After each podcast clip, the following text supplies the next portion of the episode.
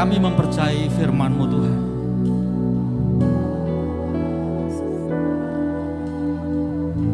Seperti janji Yesus. Bahwa Yesus minta kepada Bapa dan memberikan kepada kita umatnya seorang penolong supaya penolong itu yaitu Roh Kudus menyertai kita selama-lamanya. Dunia tidak mengenal, tetapi kata firman Tuhan, kita umatnya mengenal Roh Kudus. Roh Kudus terima kasih. Hadirlah di tengah-tengah kami, mengalirlah di tengah-tengah kami. Karena kami percaya aliran rohmu itu membawa kami, memimpin kami di dalam kebenaran. Aliran rohmu yang memberi kami roh hikmat dan wahyu. Sehingga kami boleh mengetahui kebenaran yang Tuhan sampaikan hari ini. Dan kebenaran itulah memerdekakan, menyembuhkan, memulihkan, membuat pengharapan di tengah-tengah kami.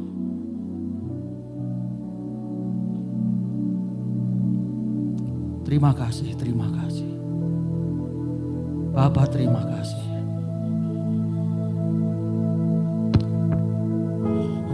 Rohmu tidak terbatas.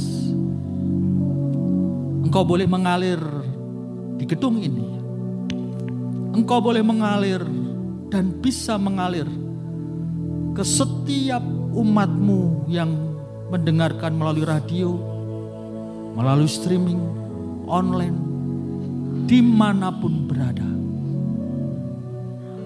Sebab rohmu yang kuat tanpa batas. Hari-hari ini sedang mengalir di tengah-tengah kami, memulihkan, menyembuhkan, membuat ada pengharapan di hari-hari ini, di masa-masa sukar. Terima kasih, terima kasih, terima kasih. Bapak kami berdoa, buat hati kami semua menjadi tanah yang gembur.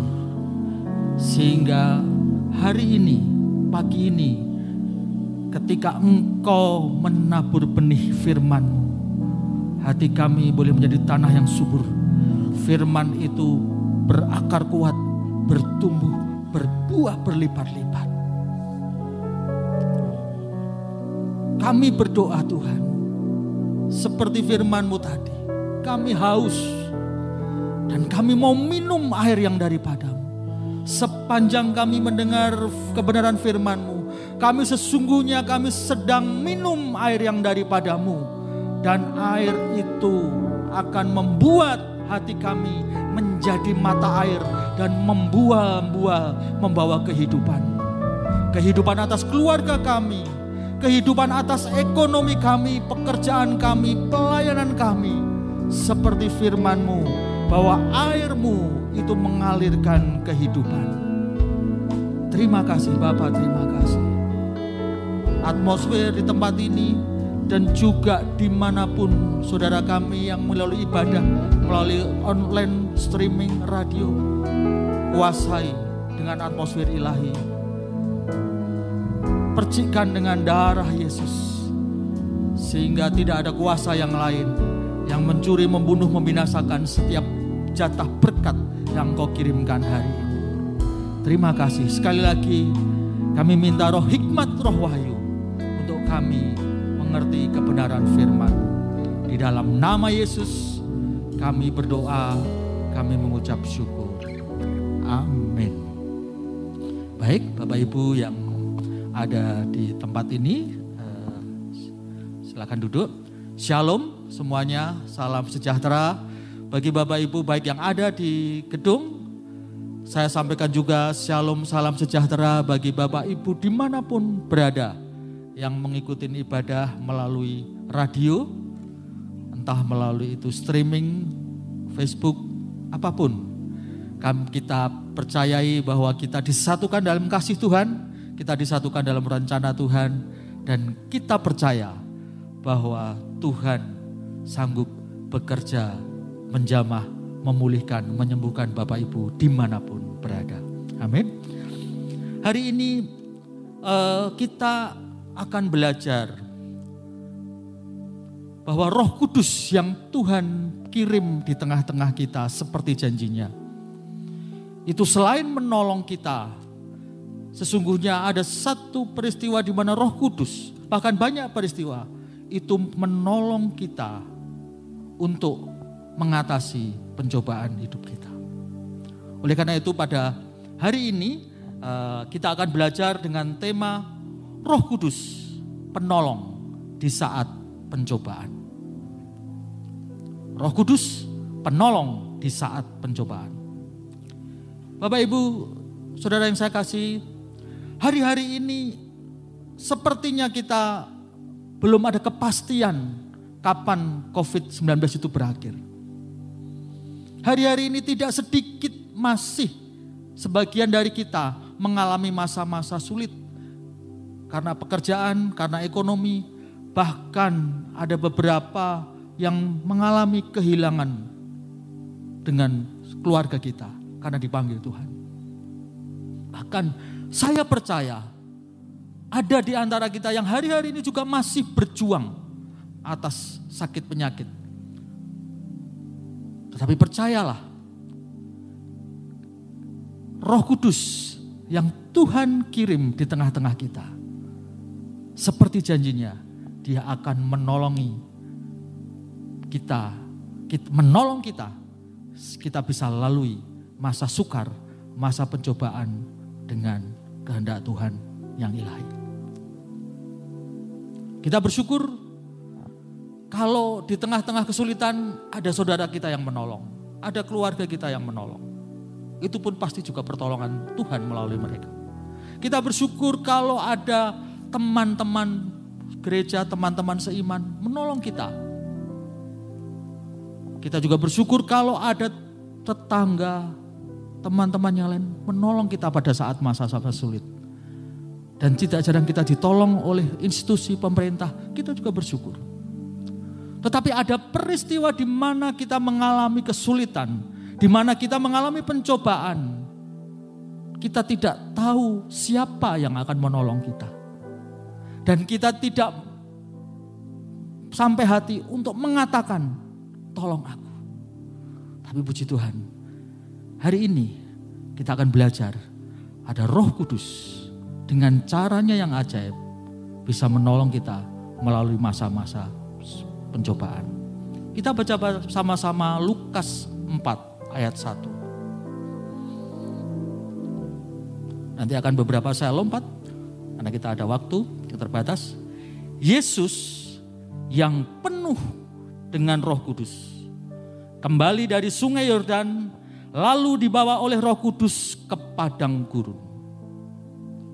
Kata kuncinya Yesus yang penuh dengan Roh Kudus. Kapan Yesus penuh dengan Roh Kudus? Kita kalau baca perikop sebelumnya, Yesus habis dibaptis di Sungai Yordan. Dia mengalami ketika umur 30 tahun, Yesus datang ke sungai Yordan menemui Yohanes Pembaptis. Dia harus menggenapi rencana Bapa untuk dibaptis. Dan pada saat dibaptis ada burung merpati yang menghinggap. Seperti kata firman Tuhan ada suara terdengar di situ, inilah anakku yang kukasih kepadanya aku berkenan. Dan di situlah Yesus mulai penuh dengan roh kudus. Yang sebelumnya dia manusia biasa, tapi pada saat peristiwa dibaptis, Roh Kudus memenuhi akan manusia Yesus. Dan ketika dia dibaptis, setelah penuh Roh Kudus, sebelum memulai pelayanan awal pelayanannya, nanti Bapak Ibu kalau baca nanti dia akan pergi ke rumah ibadah, kemudian dia sampaikan Yesaya 60, Roh Tuhan ada padaku, dan seterusnya Di situlah mulai hari ini genap firman ini. Tetapi ada masa manusia Yesus dibawa ke padang gurun. Berapa banyak di antara kita kita mengalami masa kita di padang gurun. Kita boleh mengatakan pas pekerjaan saya sekarang ada di padang gurun. Penghasilannya tinggal 50 persen. Bahkan ada berkata, saya tinggal 20 persen.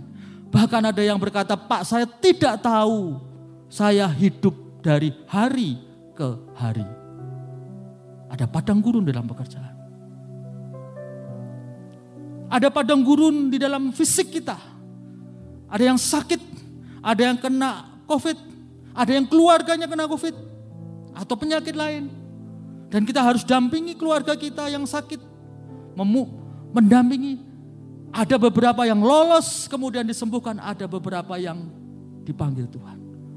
Dan melupakan perpisahan dengan keluarga adalah padang gurun. Firman berkata, Yesus dibawa ke padang gurun. Kemudian di situ Yesus berpuasa, pasti lapar, pasti secara fisik lemah. Ayat 3 berkata, jika engkau anak Allah, itu iblis, suruhlah batu ini menjadi roti. Pencobaan yang pertama tentang daging kita. Di saat lapar, kebutuhannya adalah makan. Di saat sakit, kebutuhannya adalah sembuh. Di saat di PHK kebutuhannya saya boleh diterima kembali bekerja. Di saat bisnis rugi secara kebutuhan utama saya mesti perusahaan saya harus untung kembali. Itu hal yang wajar. Maka itu ditawarkan. Iblis tahu engkau lapar, engkau lemah secara fisik. Ubah batu menjadi roti. Dan pencobaan ini serius pencobaan. Kenapa Yesus bisa? Tetapi Yesus berkata, ada tertulis, manusia hidup bukan dari roti saja. Kalau Bapak Ibu belajar, ini Yesus mengutip dari firman dalam ulangan 8 ayat 3. Bahwa manusia itu hidup bukan dari roti saja, tetapi dari setiap firman yang diucapkan oleh Allah. Pencobaan tentang daging menguji apakah kita fokus kepada kebutuhan daging, lapar, pakaian, rumah, kendaraan, kesembuhan. Apakah kita boleh berdiri bahwa aku hidup tidak tergantung roti saja. Tapi Bapak Ibu jangan berkata, iya Pak saya hidup tidak tergantung roti, tetapi nasi goreng, nasi nasi rendang. Bukan seperti itu maksud saya. Artinya kita berdiri bahwa hidup oleh karena firman Tuhan. Akhirnya pencobaan daging dikalahkan hari-hari ini saya berdoa. Kalau hari-hari ini ada pergumulan dengan daging kita. Tentang pekerjaan, tentang masa depan, tentang tadi yang saya sampaikan, lapar secara fisik. Pak yang lapar, kalau saya nggak apa-apa. Kalau istri saya bagaimana? Kalau keluarga saya bagaimana?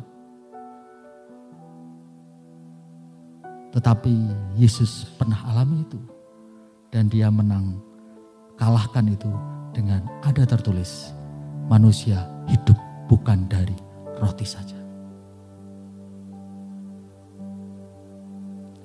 Kemudian yang kedua, Yesus dibawa ke tempat tinggi, sekejap mata diperlihatkan ke semua kerajaan. Ayat kelima, Kemudian ia membawa Yesus ke suatu tempat yang tinggi dan dalam sekejap mata ia memperlihatkan kepadanya semua kerajaan dunia.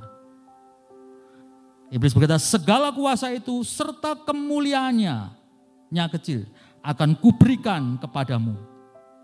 Sebab semuanya itu diserahkan kepadaku dan aku akan memberikan kepada siapa saja yang ku kehendaki. Jika engkau menyembah aku, seluruhnya itu akan menjadi milikmu. Saya pernah sharing dengan beberapa teman. Pak, apakah ini betul-betul pencobaan? Masa seluruh dunia milik iblis? Masa seluruh dunia ini apakah seandainya Yesus ya itu juga bisa terjadi? Kalau kita baca Alkitab, ketika manusia jatuh dalam dosa, ketika dosa itu iblis dilempar ke bumi dan bumi itu sebetulnya dikuasai oleh iblis. Dan rencana Yesus, memang Yesus akan mengambil alih itu. Rencana Tuhan, rencana Bapa harus dikembalikan diambil alih. Kalau kita baca setelah Yesus bangkit dari antara orang mati, dia kalahkan semua, dia berkata segala kuasa baik di bumi, di darat, di laut, di udara, kerajaan-kerajaan diberikan kepadaku. Benar ya? Ibu pernah baca itu? Artinya itu ketika Yesus ambil alih. Tapi pada saat peristiwa ini, belum diambil, Yesus tidak mengambil alih dengan cara iblis. Cara iblis simpel. Dia tahu bahwa suatu saat Yesus akan ambil alih kembali bumi. Dengan kematian dan bangkit di kayu salib.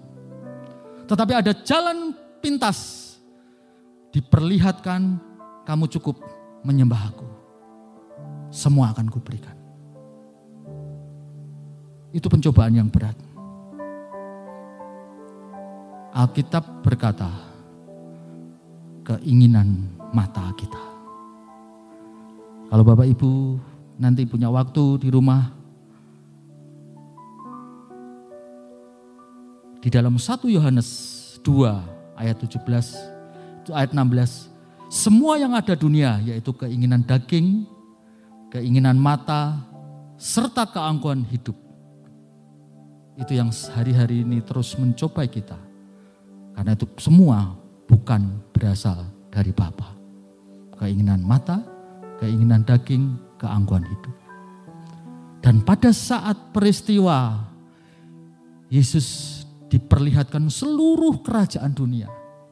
Dan pada saat Yesus diperlihatkan kemegahan dunia, hanya satu cara simpel sembah iblis. Semuanya akan diberikan. Bapak Ibu Saudara yang terkasih dalam Tuhan.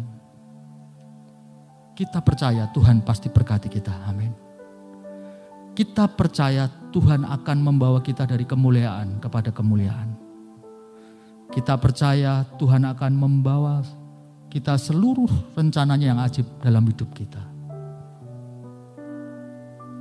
Belajar dari Tuhan Yesus. Jangan pilih yang bukan dari cara Tuhan. Berapa banyak dari kita sekarang silo? Kalau seperti itu pasti sukses. Kalau dengan pekerjaan itu aku akan semakin cepat kaya raya dan sukses. Kalau aku pergi ke kota sana, aku tinggalkan rencana Tuhan, aku pasti bisa sukses. Kalau aku boleh tinggalkan imanku dan aku menikah dengan dia, aku memiliki hidup yang lebih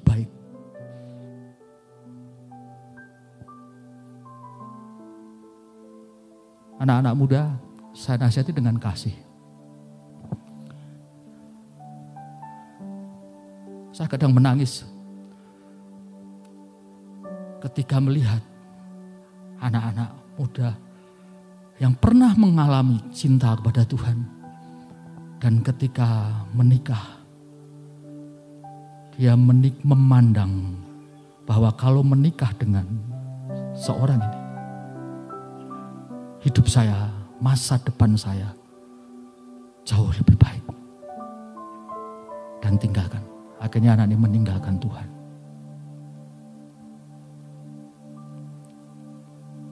Yesus pernah dicobai hal yang sama.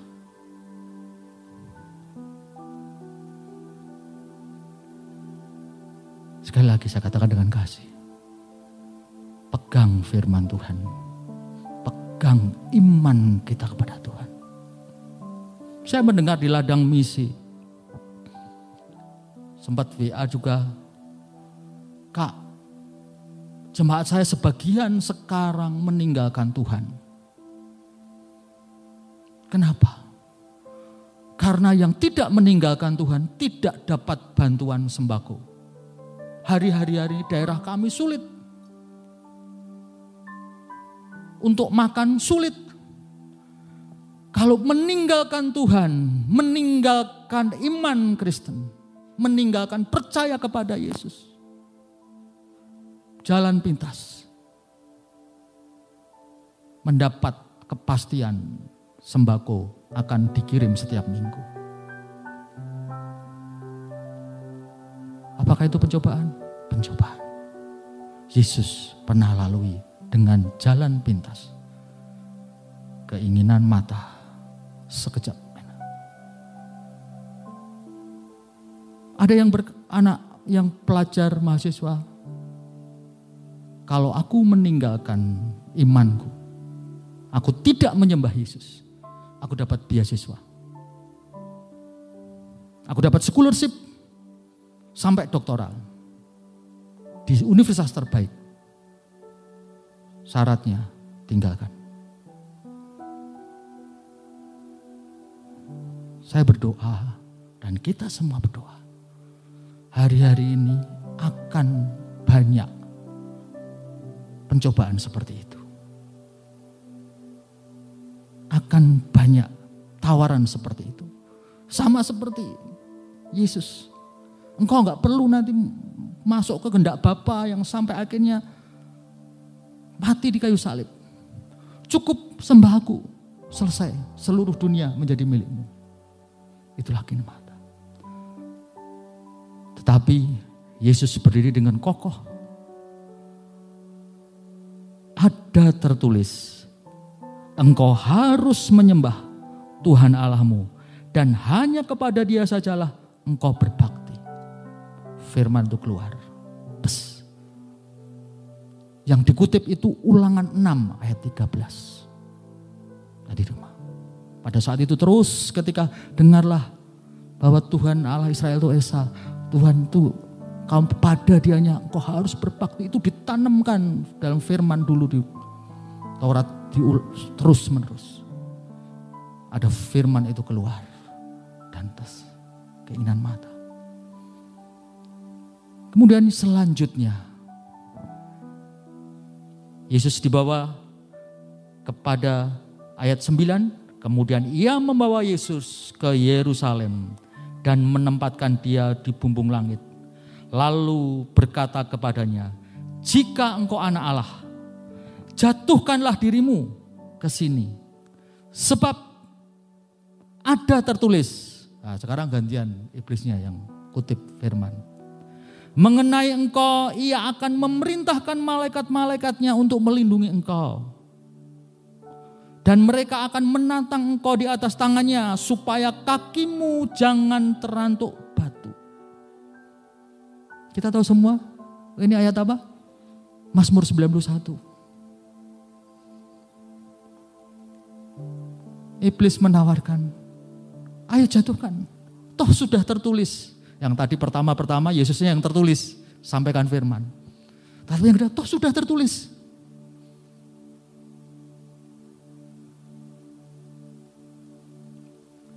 Ini berbicara keangkuhan hidup. Ini berbicara hak saya sebagai anak Tuhan.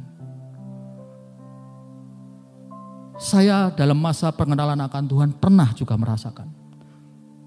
Ketika masa-masa sulit, pernah menanyakan, Tuhan kata Tuhan, kata firmanmu bukankah engkau yang mengetahui masa depan dalam hidupku?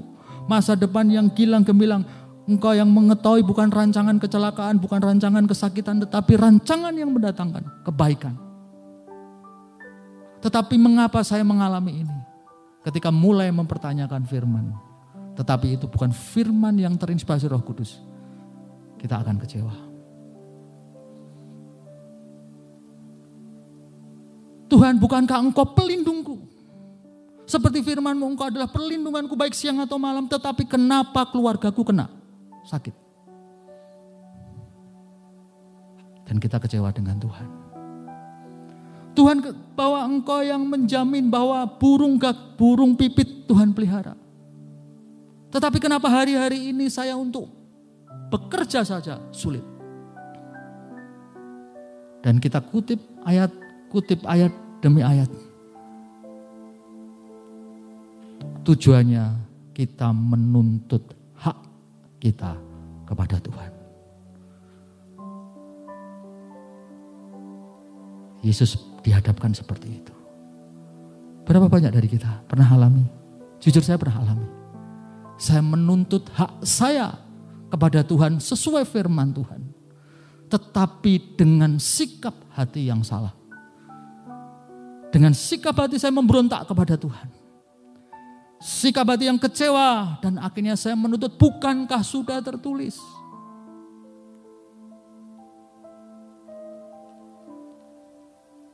tapi tidak dialami. Tahun 90, tahun 90-an, ketika terjadi kebangunan rohani di Korea, ada hamba Tuhan Paul Yonggijo di sana. Ada kebangunan yang besar. Dan setiap doa-doanya membawa lawatan yang besar. Ada sekelompok orang yang mau datang ke KKR tersebut dan pada saat itu dia harus melewati sungai. Dan pada saat itu sungainya sangat deras dan banjir. Kemudian tidak ada jembatan. Kalau jembatannya agak jauh. Dan mereka berkata, bukankah Yesus pernah berjalan di atas air? Bukankah Petrus juga pernah berjalan di atas air? Alkitab tertulis di sana. Jadi mari kita berjalan di atas air.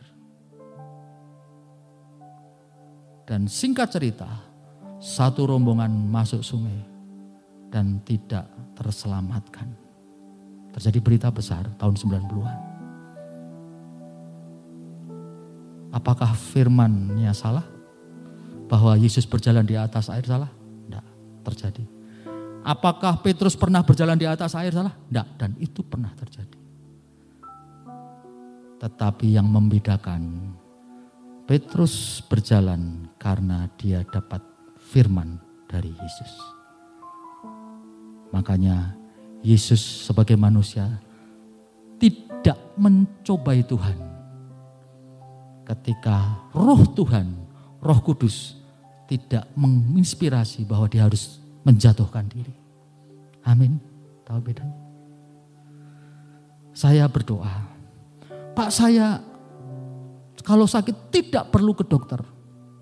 Boleh. Tetapi pastikan keputusan Bapak Ibu semua oleh karena firman Roh Kudus yang masuk situ. Saya tidak perlu belajar, saya tidak perlu menambah keterampilan. Toh masa depan saya gilang gemilang di hadapan Tuhan. Dia kutip firman untuk mencobai Tuhan. Secara kasar mungkin kita tidak begitu. Tetapi kalau jujur ada beberapa beberapa episode kita pernah lakukan. Kita mencoba mencobai Tuhan. Maka kemudian Yesus tanggal itu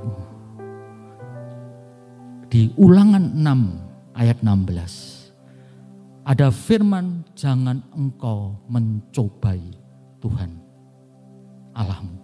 Seperti di masa dan Meriba. Dan akhirnya tiga pencobaan besar berlalu. Yesus menang. Pencobaan ini sebetulnya mewakili seluruh pencobaan yang akan kita alami. Yaitu keinginan mata, keinginan daging dan keangkuhan hidup. Di dalam kerangka kita menggenapi rencana Tuhan, di dalam kerangka kita menggenapi puncak destiny yang Tuhan tetapkan. Selalu ada pencobaan, selalu ada peristiwa di mana di situ menyangkut keinginan mata, di situ ada menyangkut dengan keinginan daging dan keangkuhan hidup. Tetapi Yesus lalui semua Karena kuncinya ada tertulis. Kenapa Yesus bisa sampaikan firman ini, firman ini? Ada satu rahasia besar. Kita baca bersama. Yohanes 12 ayat 49.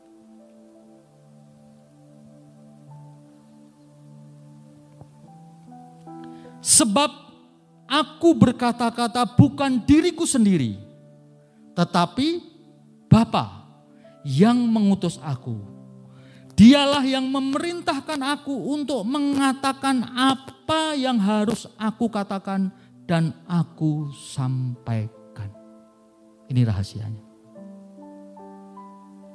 Jadi ternyata apa pun yang dikatakan Yesus itu dia berkata-kata bukan karena perkataannya sendiri, tetapi oleh perkataan Bapa yang mengutus Tuhan Yesus. Apa pun yang dijawab mengalami masa-masa pencobaan termasuk firman. Bukan oleh karena kita menghapa, bukan karena Yesus menghapa, bukan karena Yesus dipandang baik, tetapi dia dengar apa yang diilhamkan Roh Kudus dalam hidupnya. Karena Alkitab tulis Yesus penuh Roh Kudus. Dan oleh Roh Kudus itu dia mengilhamkan setiap perkataan yang harus dia sampaikan.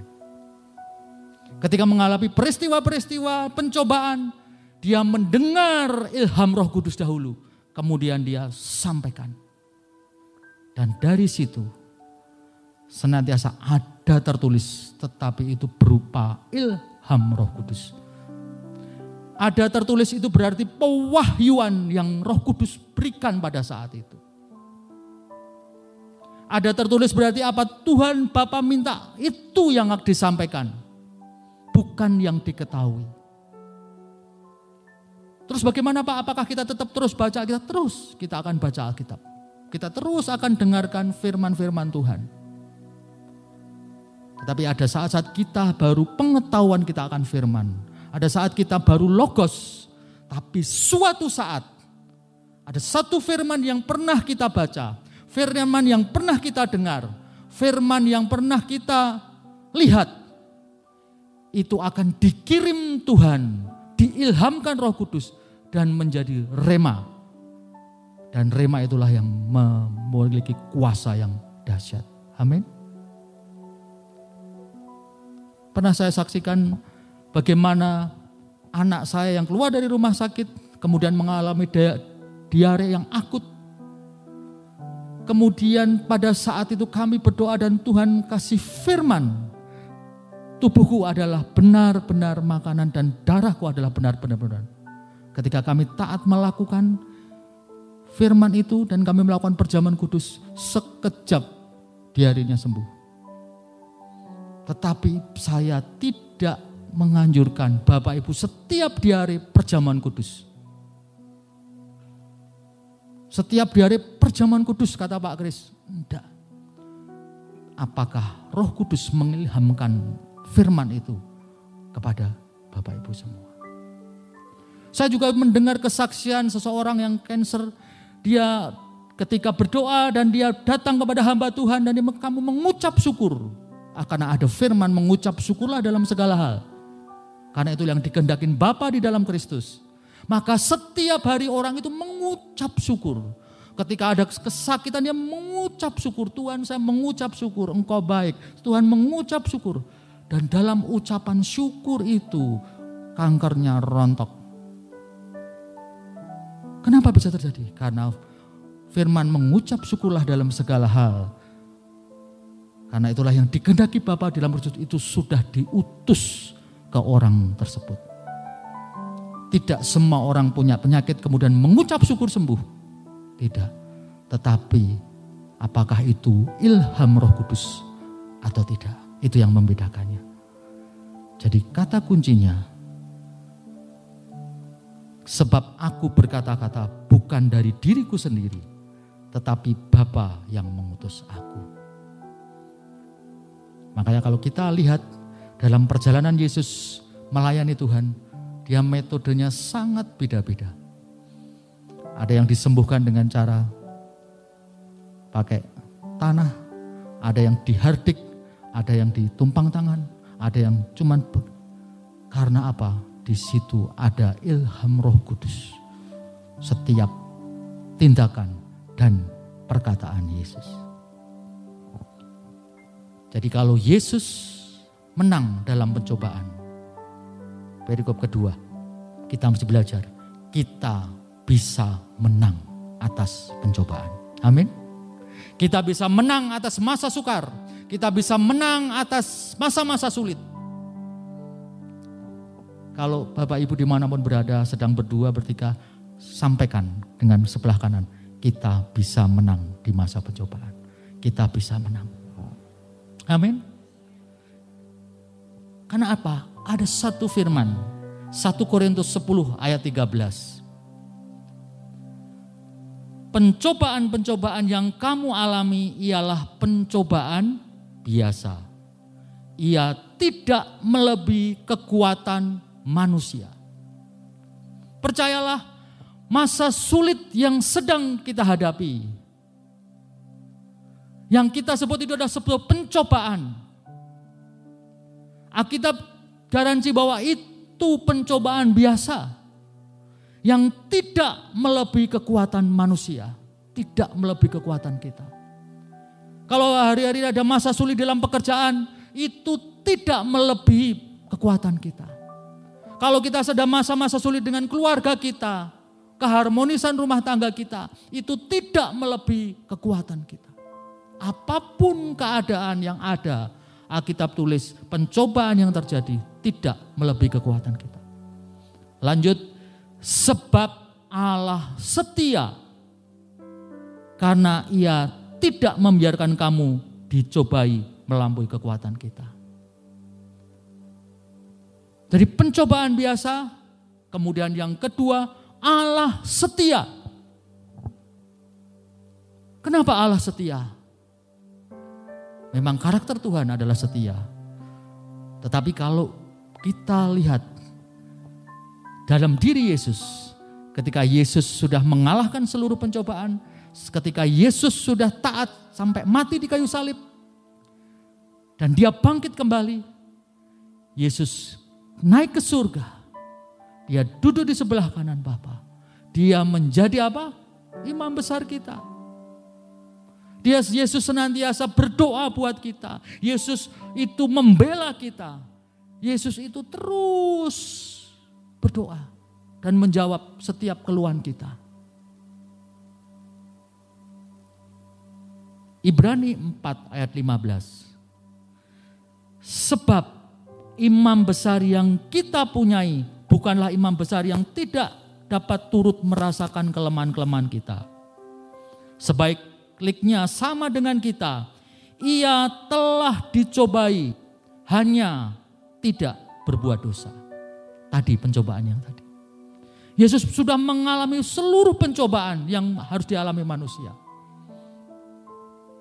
Dia bisa merasakan apa yang kita alami. Pak, saya pernah dikhianati, sakit. Yesus pernah dikhianati. Pak, saya sakit sekali. Yesus pernah sakit ketika dicambuk. Bahkan dicambuk. Penuh bilur. Dia pikul semuanya. Pak saya malu. Saya dipermalukan. Yesus pernah mengalami masa dipermalukan. Dia telanjang di kayu salib.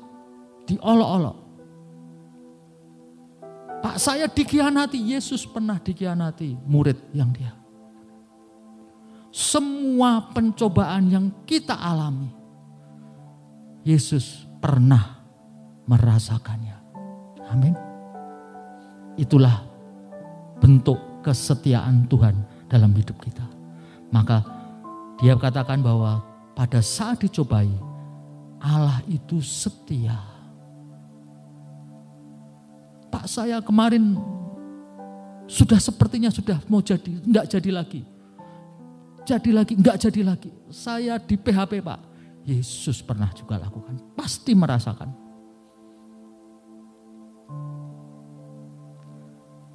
Kemudian yang lain yang kunci lagi. Yang 1 Korintus 10 13. Pada waktu kamu dicobai, ia akan memberikan jalan keluar. Jadi pada saat kita mengalami pencobaan, Tuhan menjanjikan bahwa kita diberi jalan keluar sehingga kita dapat menanggungnya. Bagaimana Tuhan membuat jalan keluar? Tuhan bisa lakukan mujizat? Bisa. Tuhan bisa melakukan sesuatu yang lebih dari kita pikirkan? Bisa. Tuhan melakukan sesuatu yang lebih dari kita doakan? Bisa. Tetapi Tuhan juga bisa melakukan melalui seperti cara Yesus menang terhadap pencobaan. Dan itu yang dijanjikan Yesus kepada kita semua. Dia mengirim kepada kita penolong. Dan penolong itu beserta dengan kita senantiasa. Allah memberi jalan keluar Yohanes 14 ayat 25.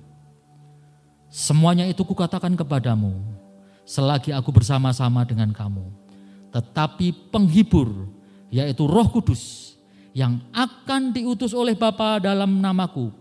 Dialah yang akan mengajarkan segala sesuatu kepadamu dan mengingatkan kamu akan semua yang telah kukatakan kepadamu.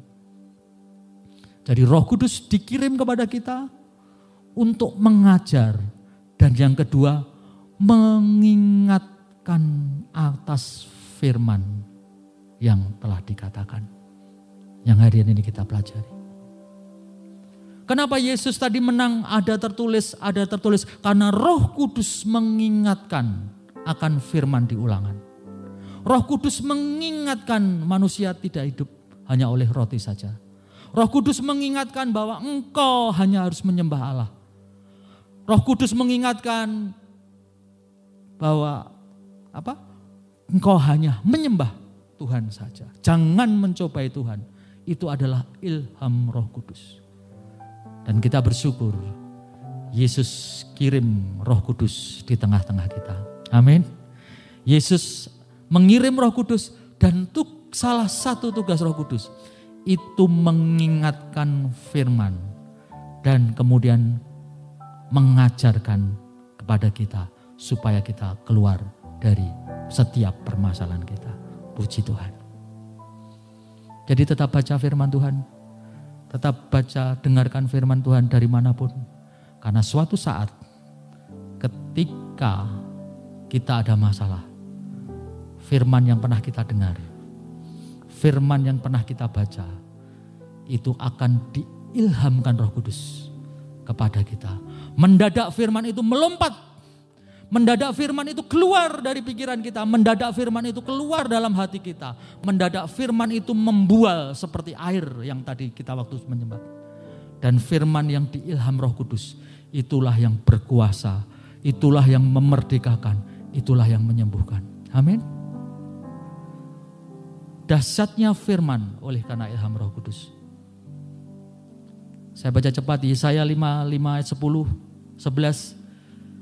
Sebab seperti hujan dan salju turun dari langit dan tidak kembali situ, melainkan mengakhiri bumi, mengairi bumi, membuatnya subur, menumbuhkan tumbuh-tumbuhan, memberikan benih kepada penabur dan roti orang yang mau makan.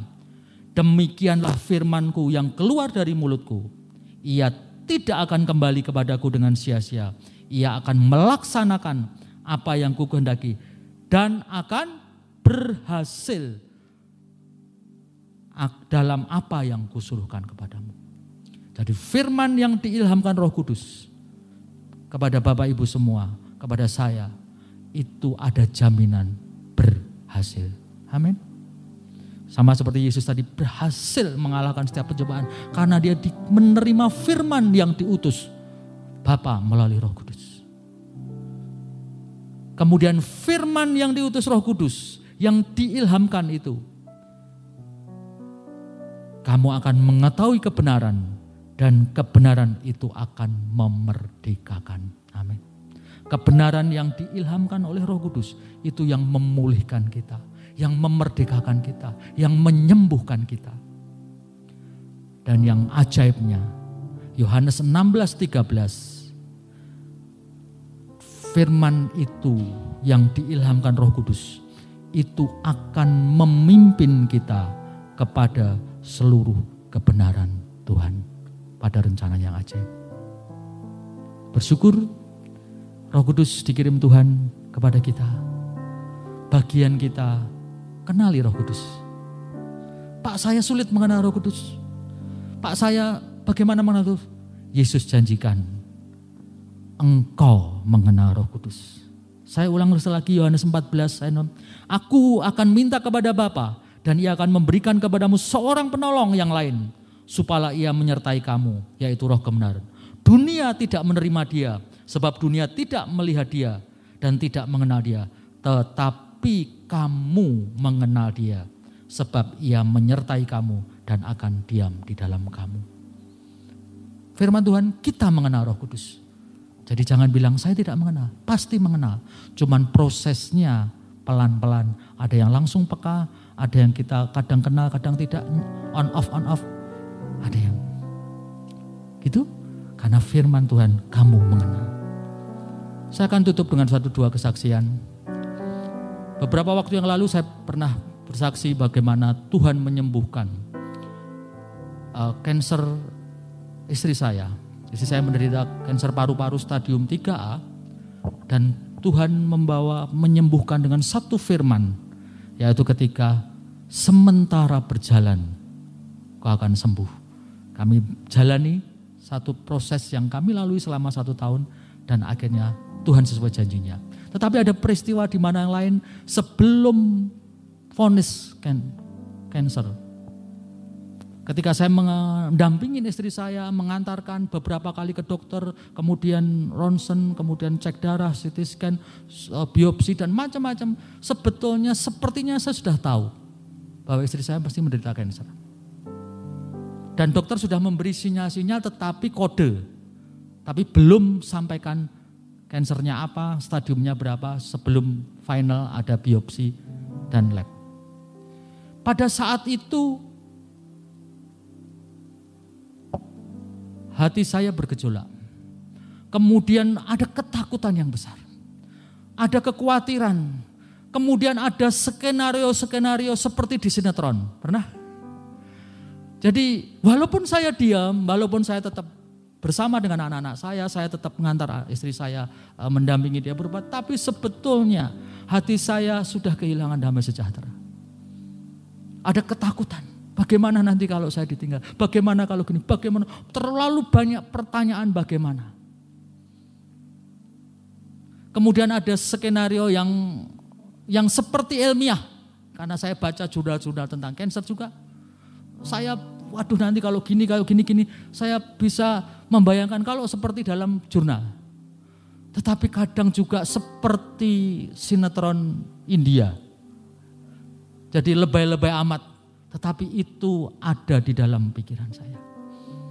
Tetapi pada saat peristiwa di mana pas vonis cancer setelah biopsi dan ini dokter berkata, Pak, suami Bapak kanker paru-paru ardino istri ya, istri Bapak kanker ardino karsinoma stadium 3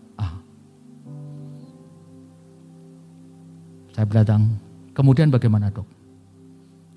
Ini mesti menjalani kemoterapi. Pada saat itu saya teringat peristiwa. Saya pernah mendampingi orang, uh, ibu saya pernah kanker juga. Waduh, kemo berat sekali, panjang, nggak bisa makan. Kemudian rambutnya rontok, kemudian wah banyak cara. Kemudian saya juga melihat beberapa orang yang sudah kemo. Kemudian ada skenario buruknya kemoterapi. Pada saat itu saya bertenang dan saya berdoa, Tuhan apakah saya harus memutuskan istri saya kemoterapi apa tidak. Dan pada saat itu ada firman, maunya saya sih mujizat. pengennya mujizat. Itu ada mujizat orang mengucap syukur sembuh. Ada mujizat dia mengangkat tangan menyembah sembuh. Saya pengennya mujizat. Tetapi pada saat itu saya diingatkan satu doa Yesus. Sering itu didengar, sering kita baca. Tapi pada saat itu berbicara khusus. Ya Bapak, jikalau sekiranya mungkin biarlah cawan ini lalu daripadaku. Tetapi janganlah seperti yang ku kehendaki, melainkan seperti yang kau kehendaki. Bapak sekiranya mungkin tidak perlu kemo, langsung sembuh. Pengen nih. Karena saya melihat peristiwa-peristiwa kemoterapi. Tetapi saya melompat firman itu. Ya Bapak jika sekiranya mungkin berlalu. Tetapi kehendakmu yang jadi. Kemudian saya mendengar roh kudus. Kehendakku kamu lalui. Mesti melalui kemoterapi. Dan pada saat ya Tuhan saya akan lalui. Di situ langsung saya mengalami seluruh damai sejahtera yang Tuhan berikan. Itu mengalir dalam hidup saya. Dunia yang damai sejahtera yang seperti Tuhan berkata bahwa damai sejahtera yang tidak dimiliki dunia. Itu saya mengalami dan bes. Saya sembuh tidak mengalami ketakutan. Saya sembuh dan tidak di tidak di apa? Tidak didamai-damaikan sejahtera. Benar ya? Dikuat, di iman-iman enggak. Tapi saya damai. Kemudian saya kemudian mengalir lagi ada sekiranya engkau memperhatikan perintah-perintahku maka damai sejahteramu seperti gelombang laut yang tidak berhenti dan mengalir. Itu keluar, keluar. Dan itu saya alami. Dan akhirnya kami mengalami seperti janji Tuhan. Saya mengalami masa-masa merawat kemo dan tidak terjadi seperti yang ditakutkan. Tuhan sembuhkan dengan ajaib. Amin. Mari kita bangkit berdiri.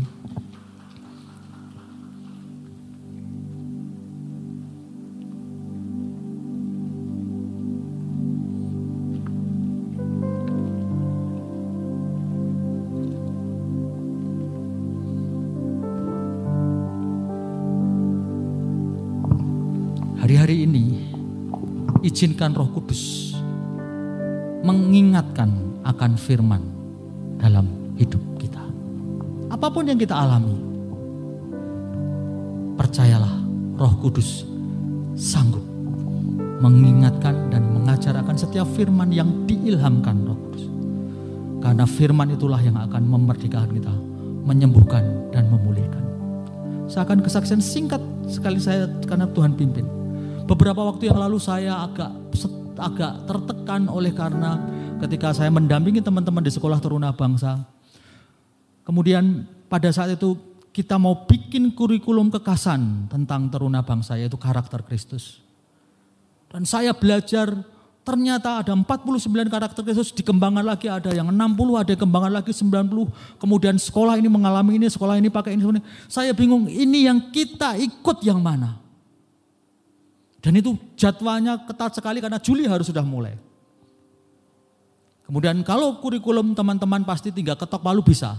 Tetapi menentukan karakter mana yang kita ambil. Prioritas. Dulu pakai ini pak, tujuh dulu. Ada yang empat dulu, ada yang lima, dua, sembilan. Dan itu hiruk pikuk ketika membuat kurikulum. Karakter Kristus.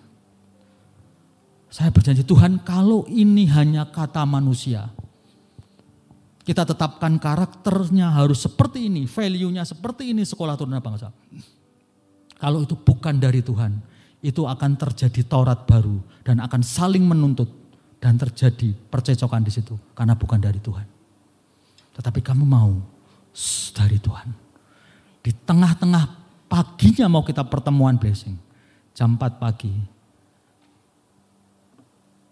Saya diingatkan satu firman Galatia 5 ayat 22. Tetapi buah roh ialah kasih, sukacita, damai sejahtera, kesabaran, kemurahan, kebaikan, kesetiaan, kelemah lembuan, penguasaan diri, tidak ada hukum yang menolak itu.